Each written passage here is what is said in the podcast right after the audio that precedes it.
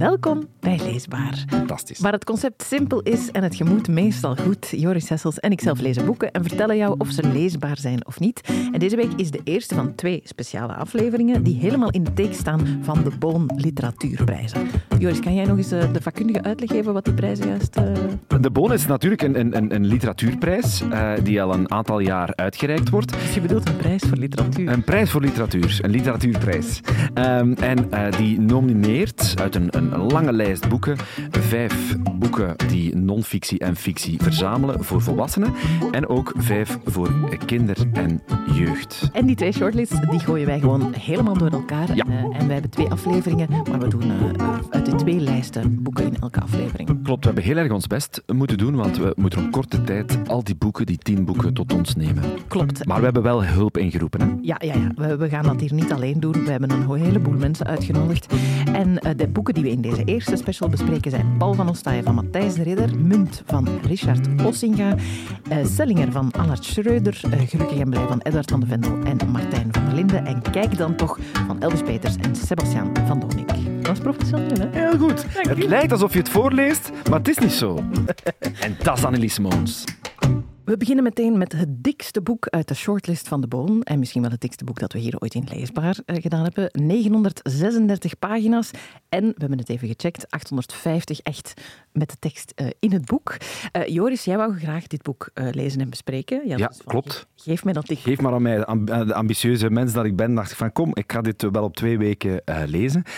dat is jammer genoeg niet gelukt, omdat het zijn heel veel boeken tegelijk dat we, dat we moeten lezen.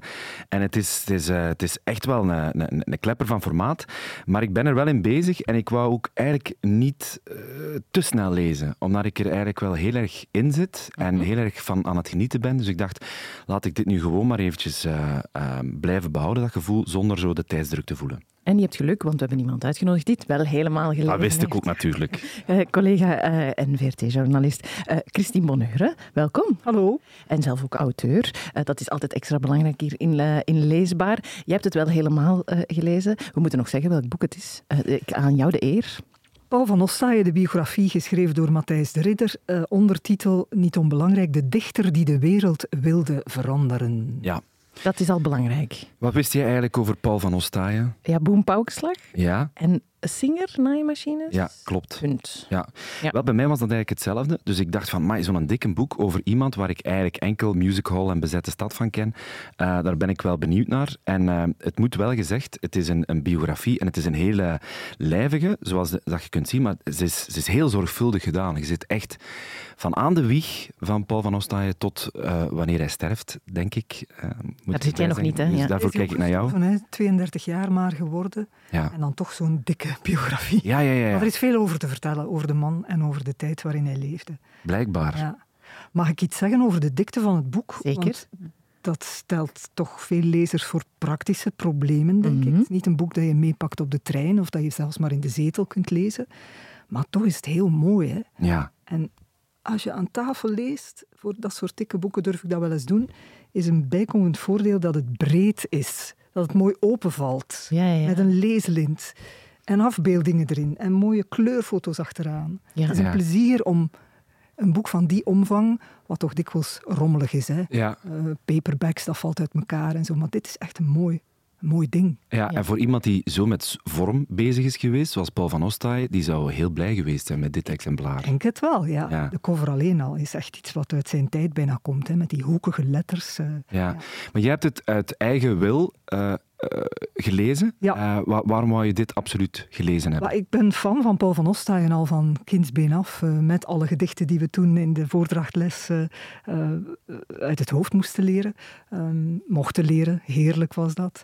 Um, maar ook daarna ben ik veel over hem blijven lezen. En we zijn de laatste jaren ook wel verwend. Hè. Er is veel verschenen over hem, over Bezette Stad bijvoorbeeld. Dat was een, een, een verjaardagsjaar, hè, twee jaar geleden.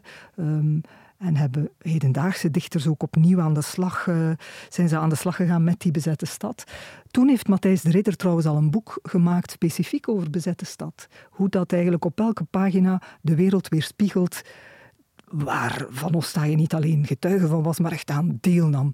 Um, en dan was mijn, mijn, ja, mijn nieuwsgierigheid gewekt om, om ja, het grote werk te lezen natuurlijk, hè, waar de ridder twintig jaar aan gewerkt heeft, vier jaar aan geschreven. Dat is toch niet niets? Ja. Ehm, Ik heb mezelf laten vertellen, Christine en Annelies, uh, dit is een weetje, um, dat het, het, boek voor een groot stuk geschreven is in het uh, ouderlijk huis van Paul van Ostaaien. Of het huis waar hij is opgegroeid. In de Lange Leemstraat in Antwerpen. Klopt. Ja. ja. Matthijs de Ridder heeft zelfs wandelingen door Antwerpen geleid, waar hij onder andere mij vertelde op verschillende locaties waar uh, Van Ostaaien woonde.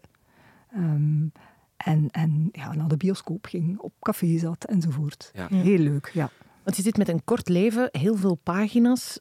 Um, mij schrikt het wel wat af om zoveel pagina's bij, bij iemand te zijn. Uh, of, of, het is...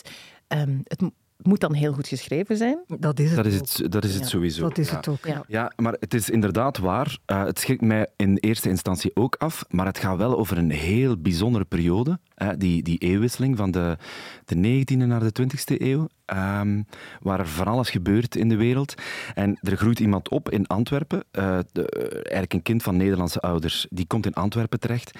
En die is op zoek naar, uh, naar, naar zijn identiteit, zoals wel veel jonge mensen.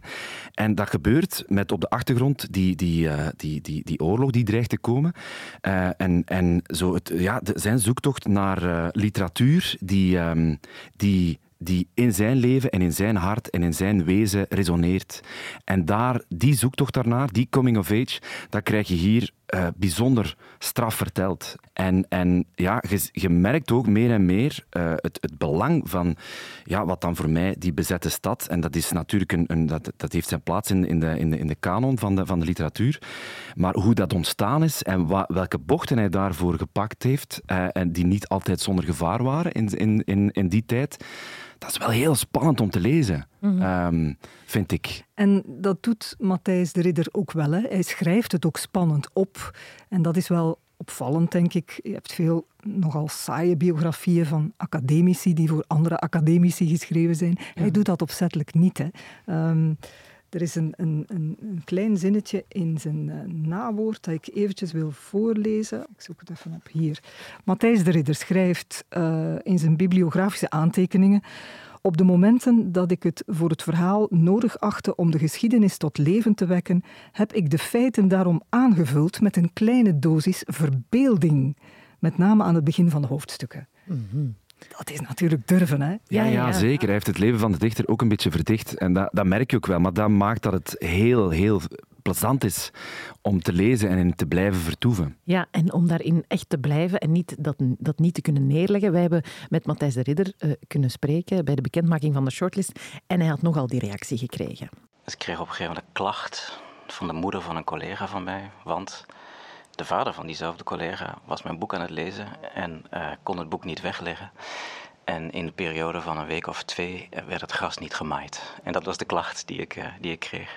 Dus ik heb beloofd om één keer het gras te komen maaien. Uh, ja, ik heb een beetje geprobeerd om. Sowieso is een verhaal is altijd mooi om, om, om echt te vertellen als een verhaal, ook al is het gebaseerd op het echte leven. En ik heb een beetje geprobeerd om het verhaal ook zo op te schrijven dat je iedere keer aan het eind van een, van een, van een passage of van een hoofdstuk uh, uh, uh, een kleine cliffhanger hebt. Zodat je het eigenlijk niet kan wegleggen, want er is nog iets wat er moet gaan gebeuren of er is nog iets wat een consequentie moet hebben. En dat blijkt wel te werken. Geschreven als een goede Netflix-reeks. Ja, dit is het ook helemaal. Uh, Christine, uh, je hebt het helemaal gelezen. Wat is er jou het meest bijgebleven uit, uit dit boek? Een vollediger beeld van Van Ostaaien als een zeer merkwaardige figuur, uh, waarvan we er geen twee kennen, denk ik, in onze vaderlandse letteren. Um, en een onmogelijke man, denk ik ook, op zoek naar zichzelf en daardoor ook wild om zich heen schoppend af en toe, uh, getormenteerd, uh, ja, drop-out op school. Het begon al fout eigenlijk, maar dan toch zijn eigen weg echt uitgekerfd. Ik heb hem ook beter leren kennen als niet alleen uh, literatuurman, maar ook als kunstenman. Hij, hij, schreef recensies over tentoonstellingen, maar hij was ook kunsthandelaar in Berlijn en in Brussel. Dat mislukte natuurlijk allemaal feestelijk, maar ook dat is interessant, omdat dat geeft ook te denken over de manier waarop hij zijn... Hij had ook bijvoorbeeld een plan om een roman te schrijven in de vorm van een cubistisch schilderij. Ja, als je weet dat hij elke dag met die cubistische schilderijen in aanraking kwam, dan, dan is dat van belang. Ja. En ja, het tweede punt is um, de wisselwerking tussen de wereld waarin hij uh, werkte, en, en hoe dat dan weerspiegeld wordt, soms letterlijk in wat hij schrijft, dat vond ik ook ongelooflijk fascinerend. Ja. Wij stellen in deze podcast altijd één vraag, maar ik zou er misschien graag twee van maken. De eerste vraag stellen we altijd, dat is, is dit boek voor jou leesbaar? Uh, 100% leesbaar. Dat is al een helder antwoord. Vraag 2 is misschien, zou dit voor jou uh, de Bon uh, mogen winnen dit jaar? Ja, kort en krachtig, ja. Kijk, we kunnen al stoppen. Af, boek voilà. 1, aflevering 1 over de Bon. en het is al verklonken. Uh, dat is duidelijk. Ik vroeg mij wel af, dat is een kort en boeiend leven geweest. had hij nu langer geleefd, had dit een nog dikker boek geweest? Of wat had hij dan nog gedaan? Wat had hij gedaan? Dat is de vraag natuurlijk. Hè. Mm. Zo de James Dean-vraag. What if? Wat ook zo leuk is aan, aan dit soort boeken, is het doet je goesting krijgen om opnieuw van Ostahe te leven. Mm. Ah, ja, mm -hmm. Niet alleen uh, de, de oppervlakkige Charleston enzovoort, maar echt ook zijn prozawerk wat minder bekend is enzovoort. Dus dat ben ik nu bezig. Ah, ja. Het heeft gewerkt. Het heeft ah, gevolgen, dit boek. Het heeft grote gevolgen. Een pleidooi voor uh, het, het boek van Matthijs de Ridder, De dichter die de wereld wilde veranderen, van Paul van Ostaaien, dat leven, dat, uh, daar heeft hij een fantastische biografie over geschreven. Dank u wel, Christine.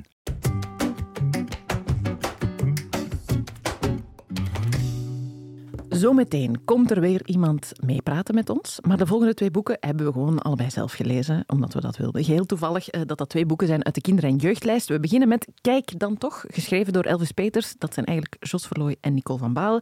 En tekeningen van Sebastiaan van Donink. Die kennen wij nog van vorig jaar. Uh, Klopt. Bon, want hij... Ja, hij illustreerde het eh, prachtige boek van Bart Moejaert, Morris. Zeker, zeker. Dus die is weer genomineerd. Goed voor hem. Um, ja, zullen we beginnen bij de illustraties van Sebastiaan ja, van Donink? we gaan zo meteen beginnen uh, bij de tekeningen, maar we hebben met iedereen gepraat. En uh, ook Sebastian wou wel iets zeggen. Dat makkelijke is niet gelijk aan leesbaarheid, of makkelijk maken is niet gelijk aan leesbaarheid. En heeft ook te maken met de interactie tussen tekst en beeld. En dat zijn dingen waar ik heel bewust uh, mee bezig ben als illustrator. Als ik ook voor Elvis Peters werk bijvoorbeeld. Um, dat er toch ergens een opening is of een uitnodiging naar de lezer om zelf te kijken, om beter te kijken, om beter te lezen, om uh, tussen de regels te lezen.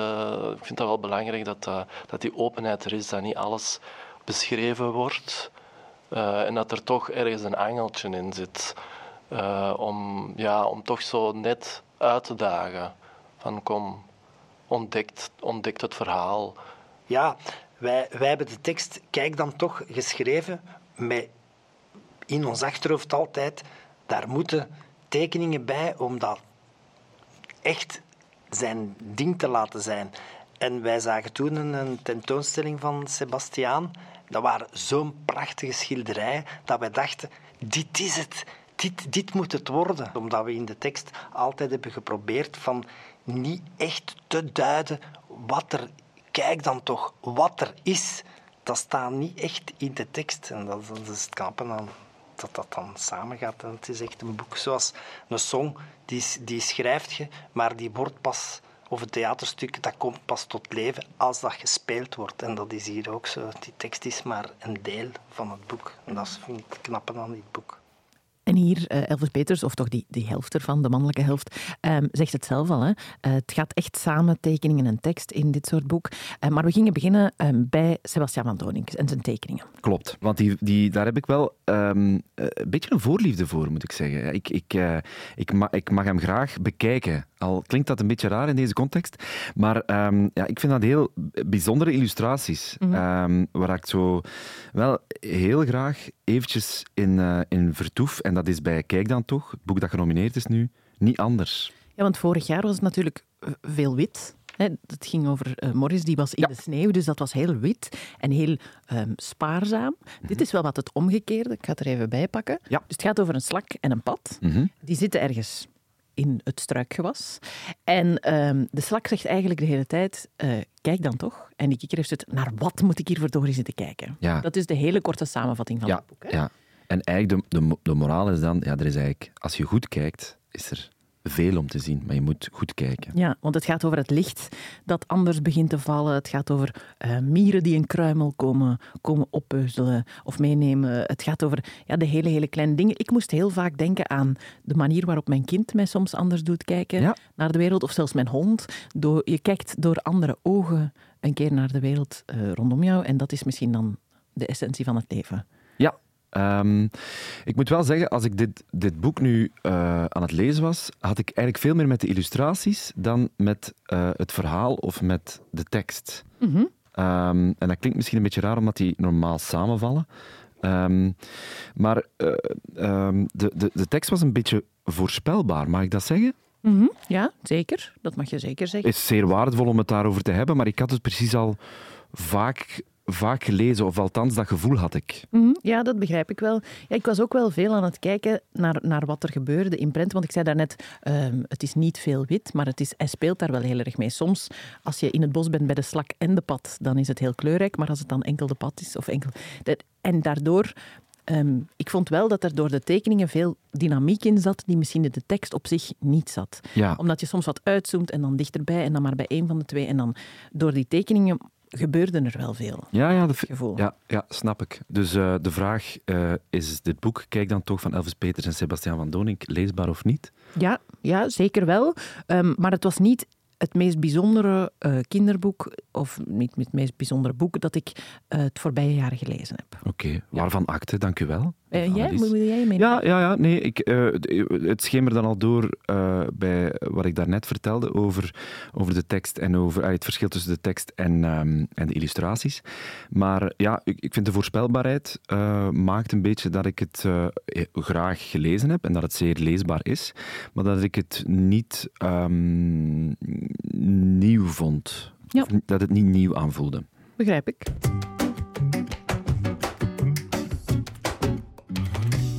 En we gaan meteen naar uh, nog een andere bekende van vorig jaar. Meer nog, een winnaar van vorig jaar. Edward van de Vendel, die won vorig jaar met Mishka. Een boek dat hij samen met Anoush Elman schreef. En nu heeft hij een andere uh, samenwerking uh, gemaakt.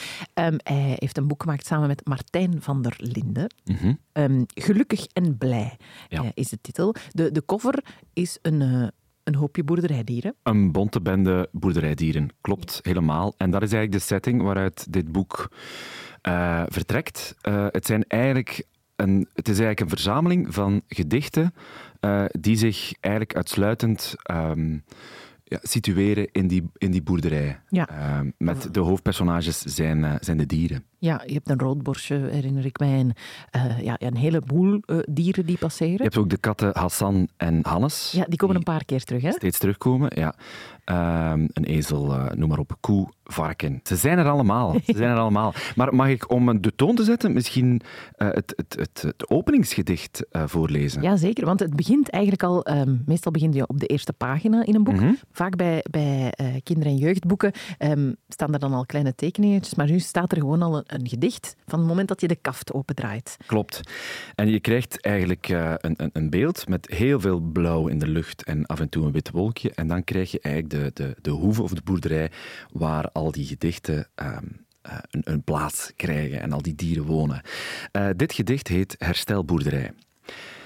Uit de monden van mensen waait altijd lawaai. Je kunt hun herrie bijna bekijken. Zo taai hangt het in de lucht. Ze kleden er hun dag mee aan. Ze slaan het om zich heen als een vlag.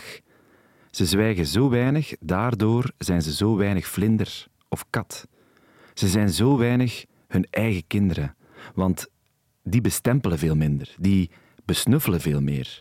Ja, heus niet allemaal en heus niet elke keer, maar wat nu als iedereen voortaan het gegil negeerde? De stilte eerde en de verdere rest van zijn jonkies leerde. Dan werd de wereld een herstelboerderij, met een bord op de gevel. Gelukkig en blij. Ik vind dat eigenlijk al wel beter als jij dat voorleest. Echt? Ja. ja. Want ik heb eigenlijk ook wel, um, bij het lezen, uh, zat ik ook wel eventjes op die boerderij. En bij sommige gedichten, um, die maakten mij, je weet hoe uitzonderlijk dat is, die maakten mij wel rustig. Mm -hmm. En uh, het had een, een, een helend en, en geestig effect op mij. Niet allemaal, maar wel een paar die ik er dan wel uh, graag voor mezelf heb uitgelicht. Ja, want het, het heeft een, een boodschap, hè? dat hoor je bij het openingsgedicht. Het is wel ja, mm, ga ik het woord aanklacht gebruiken, Mhm. een, eh, maar met humor aanklacht tegen dat geroep in de wereld en dat eh, niet meer luisteren naar elkaar en dat we veel kunnen leren van kinderen ehm, en van boerderijdieren eh, in dit geval. Ehm, en en dat, dat, is wel, dat zette wel de toon voor Ja. mij. Ik vond dit een hele mooie opener Ja. voor een boek. Ja, ja, ja, het voorspelt veel goeds, hè? ja. Ja, maar heeft het dat dan ook ingelost voor jou? Eh, gedeeltelijk, vond ik. Er waren een aantal gedichten waar ik, eh, maar, die ik heel mooi vond, waar ik inderdaad ook bij stilstond. Maar er waren ook wel een aantal ja, die mij minder ehm, pakten, of die, die mij minder raakten. En misschien moet dat ook niet in een bundel. Maar ik heb wel al redelijk wat van Edward van de Vendel eh, gelezen. Ehm, waaronder ook ehm, wat je moet doen als je over een nijlpaard struikelt. Mhm. Eh, dat was een boek van een paar jaar geleden met een beetje hetzelfde opzet. Ook zo'n bundel met veel dieren in de hoofdrol. En dat, dat vond ik dan ergens toch nog wat beter of zo. Ehm, misschien moet ik het ook een paar keer nog geven. Moet ik het een paar keer meer lezen, want dat andere boek heb ik meer en vaker gelezen. Mhm. Ja, het, af en toe had ik zo wat, eh, zoals je op een, een muziekalbum ook wel eens hebt, dat je sommige nummers, dat je zit mee te brullen in de auto en dat je dan er ook hebt die je zo wat skipt. Ehm, en dat gevoel had ik ook wel een beetje. Snap ik.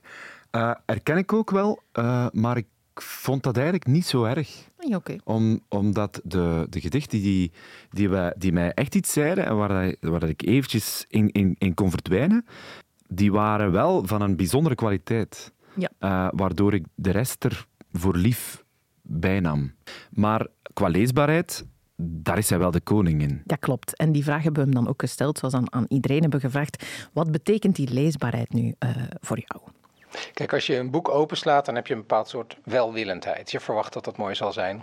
Maar die is niet eindeloos. Dus ik heb altijd best weinig geduld. Dus ik wil dat er uit die tekst een soort onzichtbare hand komt die mij vastgrijpt en zegt: hier verder lezen. En dat heb je als het meteen helder is, of als er meteen actie is, of er is meteen een heel mooie zin. Dus er moet wel echt iets gebeuren in de eerste drie, vier, vijf, zeven zinnen. Ja, dat kan niet wel. Hè? Iets laten gebeuren in de eerste paar zinnen. Vaak van, van elk gedicht wel. Hij heeft wel heel vaak een hand die je komt pakken bij je nekvel en zegt, kom, nog, doe nog maar, nog. En zeker bij zoiets, dan denk je, alleen nog eentje. Ja, ja, ja dat, dat doet hij wel echt goed. Eh, waar ik ook nog wel iets over wil zeggen, is, eh, zijn de illustraties. Want die zijn van een andere orde dan bijvoorbeeld een Sebastiaan van Donink eh, of een Karel Kneut. Eh, ehm, ik noem er nu maar twee. Deze Martijn van der Linden heeft voor specifieke ehm, illustraties gezorgd. Wat, wat, wat vond jij daarvan? Ja, ze zijn heel realistisch. Ja, Ehm, maar ik vond wel altijd, ze pasten bij het gedicht zonder te letterlijk te zijn, vaak. Vond ja ik wel. klopt. Ja. En wat ik af en toe echt heel tof vond, is dat er humor zit in die tekeningen. Eh, zo herinner ik mij, en dat, geef ik weg eh, zonder dat het een spoiler is, ehm, een, een grote radiator, een verwarmingsradiator, en dan zit zo op die buis van onder zit er een, een schildpad. En dat vond ik zo'n grappig beeld, omdat dat zo troostend, zo gezellig ehm, en, en een, een beetje absurd is, eh, dat, ik, dat ik daar wel heel erg van hield. Ja. Ja, ja, ja. Ik heb ook wel echt tijd genomen om er naar te kijken, want het, het kan verleidelijk zijn als dat hand je dan eh, elke keer komt grijpen om dan gewoon alleen maar te lezen en niet meer te kijken. Maar dat is in dit boek onterecht als je dat zou doen. Ehm, en zelfs gevaarlijk. Ja, daar ben ik het helemaal mee eens. Maar ehm, hoe gelukkig en blij ben jij met gelukkig en blij? Het heeft geholpen in de winterdip. Oké. Ja, dus, eh, dus gelukkig. En ik kijk er naar uit om het nog... Ik ga het op mijn nachtkastje leggen en nog, nog wat in lezen. Misschien dat het dan een even grote favoriet wordt als het nijlpaard. Ik wil hem gerust voor u voorlezen, als, als dat jou kan helpen. Zeker. Elke dag zo... Oh ja, doe gewoon elke dag zo'n voicebericht met één, één gedicht. Oké, dat doe ik vanaf, eh, vanaf nu. Ja, Oké? oh, oh ja, graag. Dank je wel daarvoor. Doe ik met veel plezier. Leesbaar. Dat, was, dat is duidelijk, hè, dat het leesbaar is. Ja, zeker.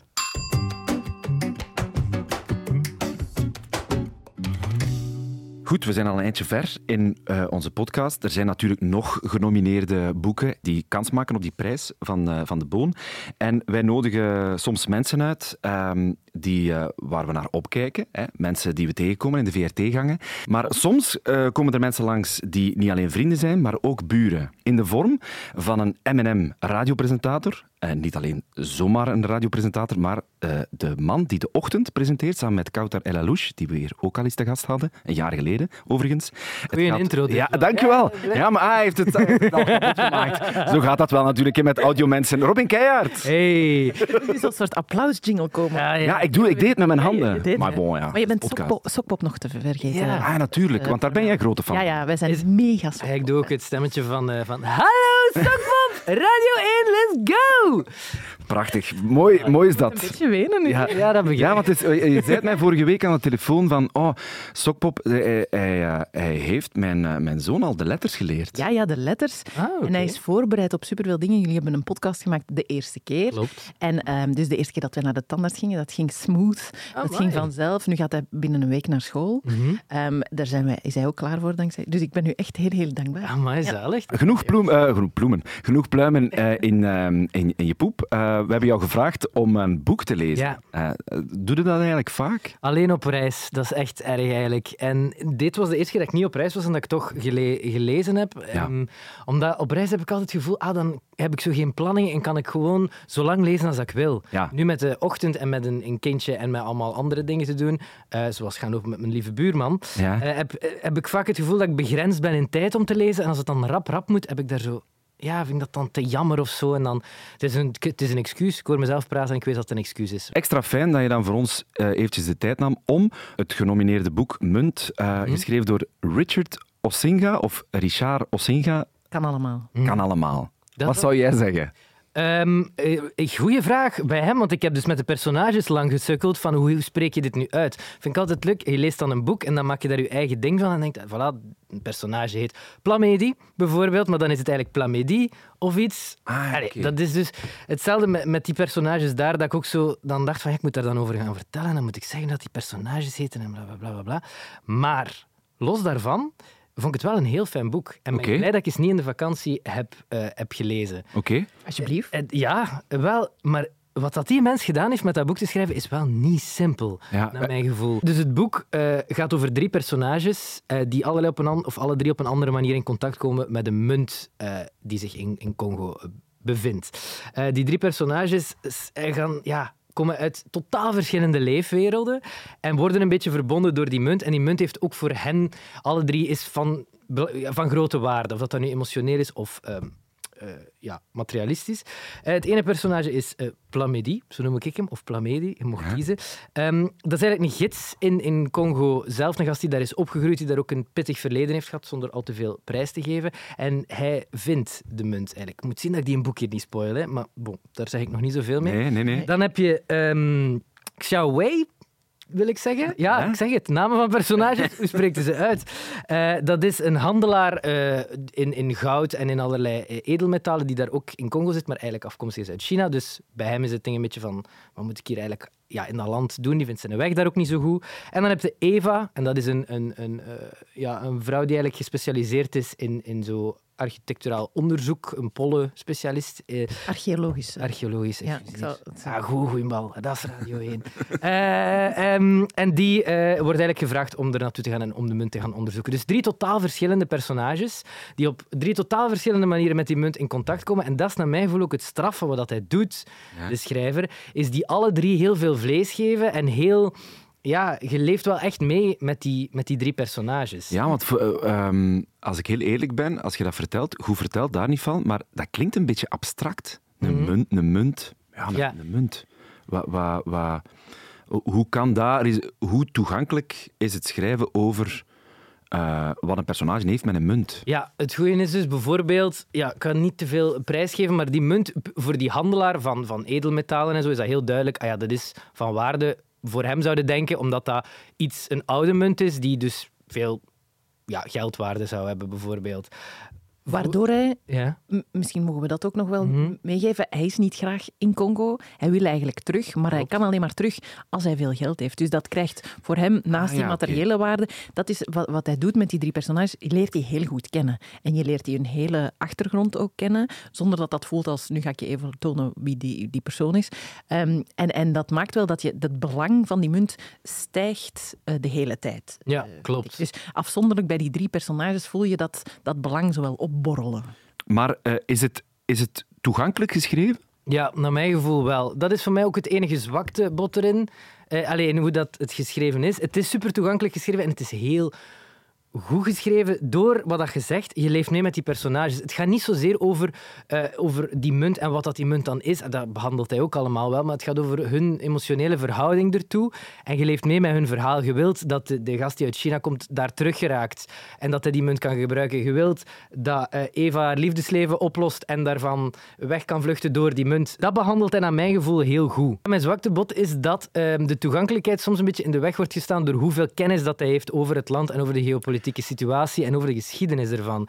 Hij gaat soms heel technisch, uh, bijvoorbeeld als het dan gaat over het personage van Eva, die dus uh, archeologisch. Ja. Hij gaat daar heel hard over in detail hoe dat, dat dan werkt en wat dat, dat onderzoek is. Pollenonderzoek noemt dat dan. En dat is boeiend om te lezen, dat is interessant, maar naar mijn gevoel neemt dat soms een beetje weg van het emotionele, maar dat is misschien persoonlijk ook, wat Ja, ik ja. wel boeiend vind aan die personages dan. Maar dat was, hem, dat was hij jou als lezer eventjes kwijt. Dat was hetgeen waar dat, als je dat dan een paar keer krijgt het en net iets dieper ingaat, ook op, maar dat gaat dan ook over eh, bijvoorbeeld het gegeven van Congo en het religieuze aspect dat daar hangt en de volkeren die dat daar leven en met elkaar in contact komen. Soms, het is heel boeiend als hij dat aanraakt en als hij daarover begint en dat op een toegankelijke manier vertelt. Maar soms ben ik zodanig benieuwd of, eh, of leef je zodanig hard mee met de personages dat je die kwijtraakt door dat hele, ja, heel veel kennis dat hij, dat hij met. Encyclopedische. Ja, ja, ja, ik snap het. En staat het dan die toegankelijkheid in de weg, een beetje? Ja, maar je geraakt er wel door. Het is nooit dat ik ben, ben gestopt met lezen omdat ik dacht van, broer, nee. Dit, want op de juiste momenten verrast hij je heel hard. Ah ja. Door, door een tijdsprong te maken, door ook een sprong in personages te maken. Want ja, je- hij vertelt het verhaal van die drie eigenlijk een beetje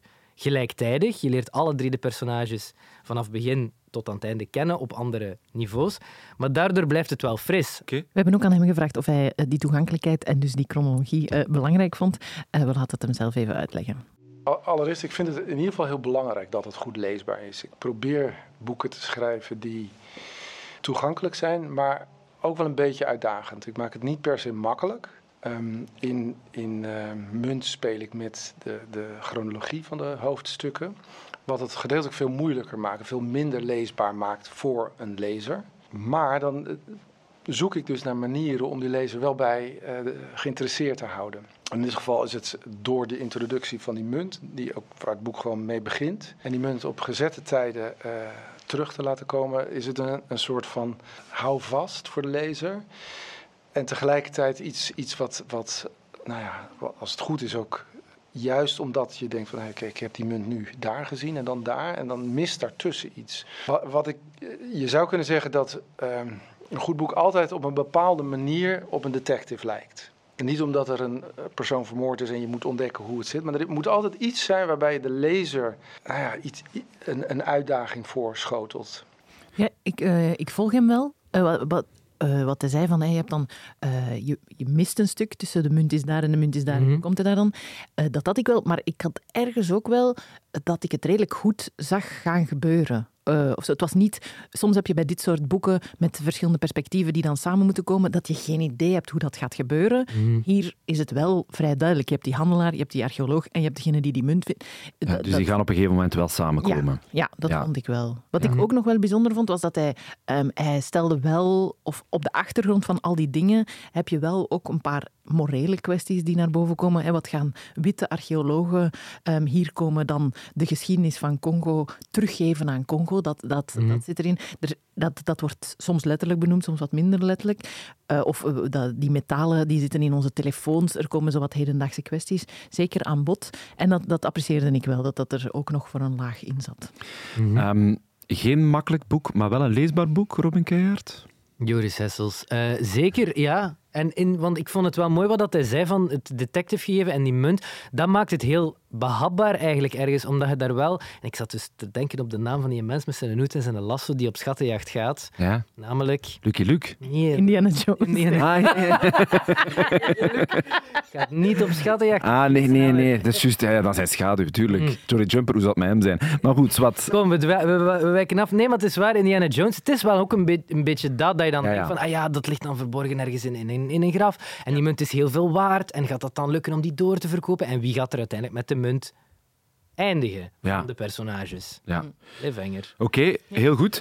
Ehm, zou dit, je hebt natuurlijk de, de rest van de boeken niet gelezen, de rest van de genomineerde Mhm. boeken. Maar zou dit ehm, een, een boon waardig zijn? Ik moet nu niet zeggen dat... Hmm, ik vond het heel fijn. En Ze zijn heel... niet omvergeblazen. Nee, dat niet. Maar ik vond het wel heel fijn geschreven, graag gelezen, leuk met de munt, wel wat dingen bijgeleerd ook. En eh, we vragen het ook aan Sokpop. Sokpop, was dit een leesbaar boek? Een munt! Munt was de max. Ik zou met deze zeker een dikke shout-out willen doen naar Richard Osinga. Blijven gaan en ik heb een bon voor jou.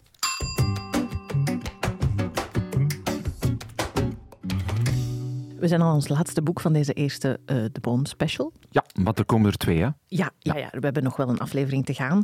Eh, en nog een hoop boeken. En we hebben met iedereen gepraat. Dat is intussen duidelijk in deze aflevering. En we hebben aan iedereen eens gevraagd, ja, wat leesbaarheid, wat betekent dat nu voor jou? Eh, hou je daar rekening mee in dat schrijfproces? Er waren heel veel mensen die daar een kwartier over te vertellen hadden. Ehm, maar de volgende auteur, eh Allard Schreuder, die heeft daar een heel helder antwoord op. En dat ik niet voortdurend moet terugbladeren om te zien waar het nou eigenlijk over gaat. Ja, dat zegt het allemaal, hè? Ja, klopt. Bedankt, Allard. Ja, misschien moeten we hem eens uitnodigen in onze podcast. Die gaat er zeker iets over te zeggen hebben, denk ik. Ehm, maar we moeten eerst iemand anders verwelkomen. Eh, Veel belangrijker. Nikki Aert, eh, welkom. Uh, dankjewel. Ik ben blij dat ik hier ben. Ja, wij ook. Wij zijn heel blij dat jij uh, bij ons te gast wil zijn.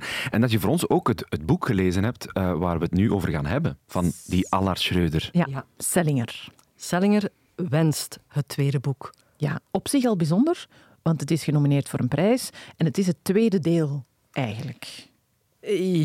Ja en nee. Ja. Uh, ik moet uh, in, ja, bekennen dat ik het eerste boek niet gelezen heb en dat dat uh, ja, mijn leesplezier niet in de weg stond. Oké. Okay. Mm. Nee, want het gaat over Wenst. Wenst is een plek en het eerste boek heette ook gewoon Wenst. Okay. En het was wat hetzelfde opzet, heb ik begrepen. Ik heb het ook niet gelezen, maar ik had ook hier ook niet het gevoel dat ik iets gemist had. Je hebt het toch gelezen ja. ondertussen? Goed. Ja, Wenst is inderdaad een dorp, een, een fictief dorp is het. En, en Wenst is eigenlijk uh, een, een, een uitdrukking die ze in Wenst gebruiken. Klinkt een beetje raar. Maar bijvoorbeeld een van de personages, want het zijn zeven verhalen die verteld worden over mensen die in Wenst wonen. En een van die personages zegt op een bepaald moment ook: Ik heb last van Wenst. En dat is een soort van soldaat, zo uh, weemoed. Uh, ah ja, okay. ja, nostalgie. Uh, ja, het is een omschrijving van een gevoel. Ook, ja. Ja, oké. Okay. Ja, dus dat heet dan wenst. Ja, ik heb last van wenst. Oké. Okay. Ja. En dat is ook wel een beetje de sfeer van dat hele boek, hè? Oh, de sfeer, ja. De, de, dat is iets wat Allard Schreuder fantastisch kan, vind ik, is uh, de sfeer scheppen. Ja. Met weinig. Uh, het is eenvoudige taal eigenlijk. Het zijn geen ellenlange zinnen. Het is allemaal heel duidelijk en eenvoudig geschreven. Maar ik weet niet hoe hij het doet. Hij zegt zelf, dacht ik, um, heb ik hem horen zeggen in, in een interview, dat hij schrijft met zijn ogen.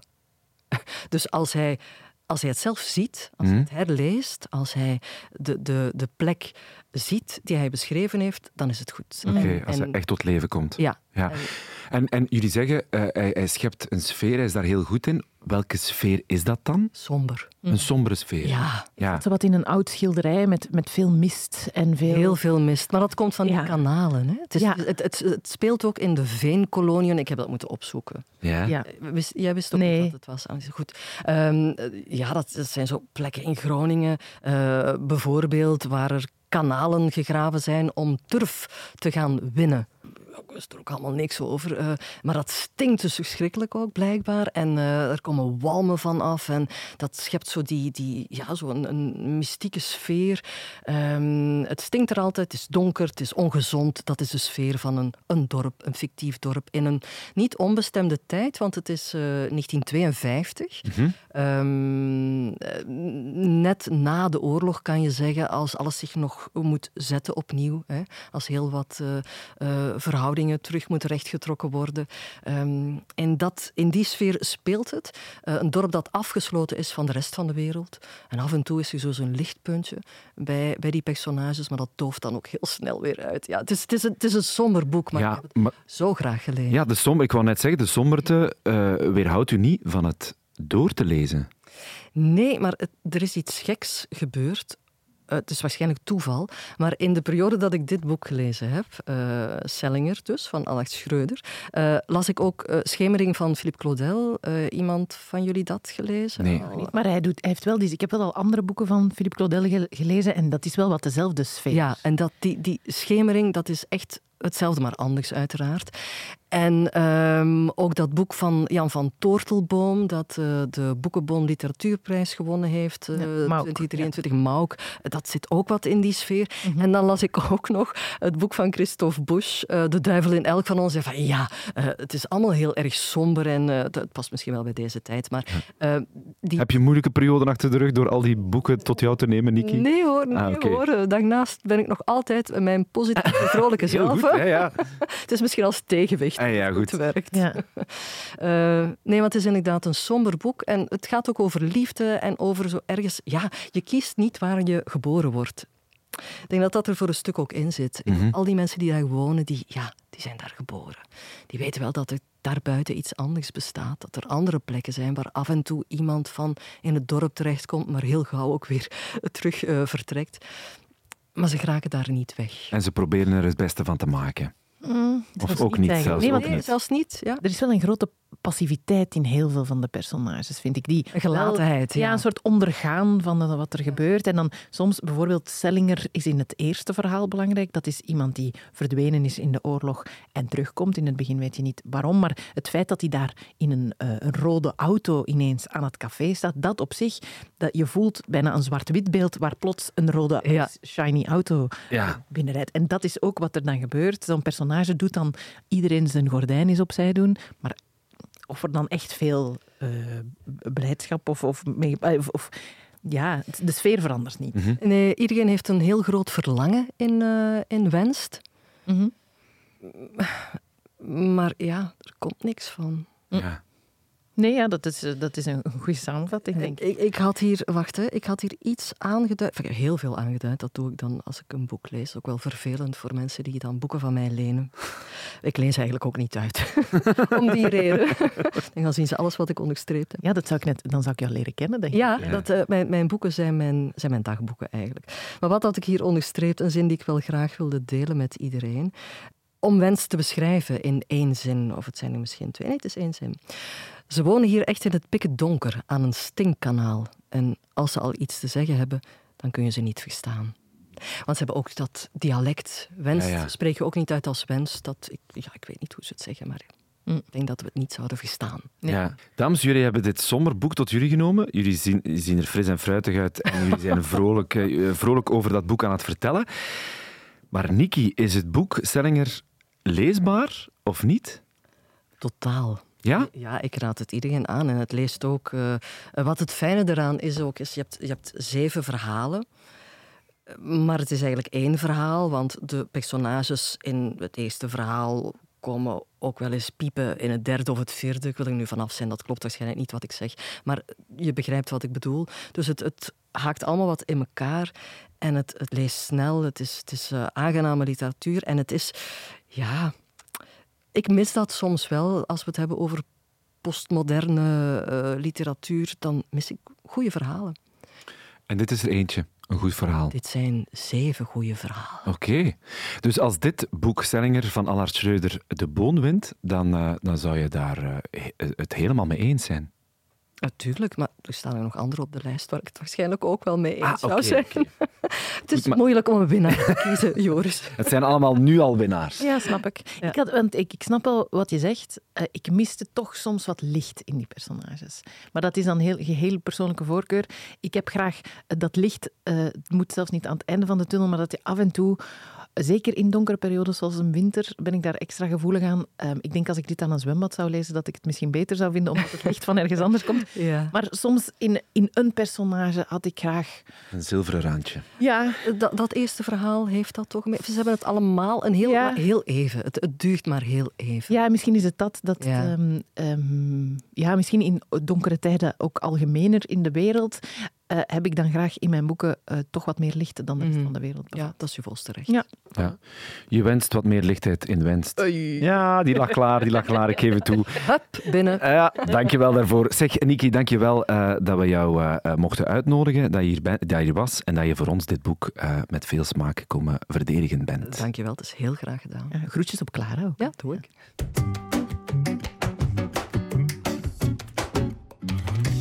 Ho, ho, mij, een um, serieuze oogst al. En uh, te weten dat dit eigenlijk uh, nog maar de helft is van de boeken die genomineerd zijn voor de Boon. Um, we kunnen misschien wel uh, zeggen dat mijn Radio 1-collega Evert Venema op bezoek komt. Oh, heerlijk. Dat wordt leuk. Clara de Dekker komt ook. Van Clara. En de collega van Sokpop, dat is Sarah, Sarah Mouhamou. En die komt ook. Oh, fantastisch. Ja, die kijk er nu al naar uit. Alle drie ook een boek lezen en ons zeggen of het leesbaar is of niet. En of het misschien die boon kan winnen.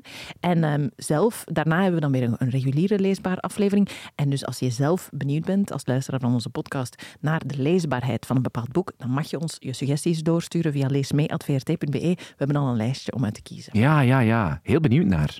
Dat is voor later. Eerst die boon, uh, dat is voor de laatste week van februari. Ja, en eerst het einde van deze aflevering. Ah ja. Dat is nu. Wil je nog iets zeggen? U, uh, lieve luisteraar van deze podcast, ben bedankt om te luisteren. We zien jullie graag. Tot volgende keer. Tot volgende keer.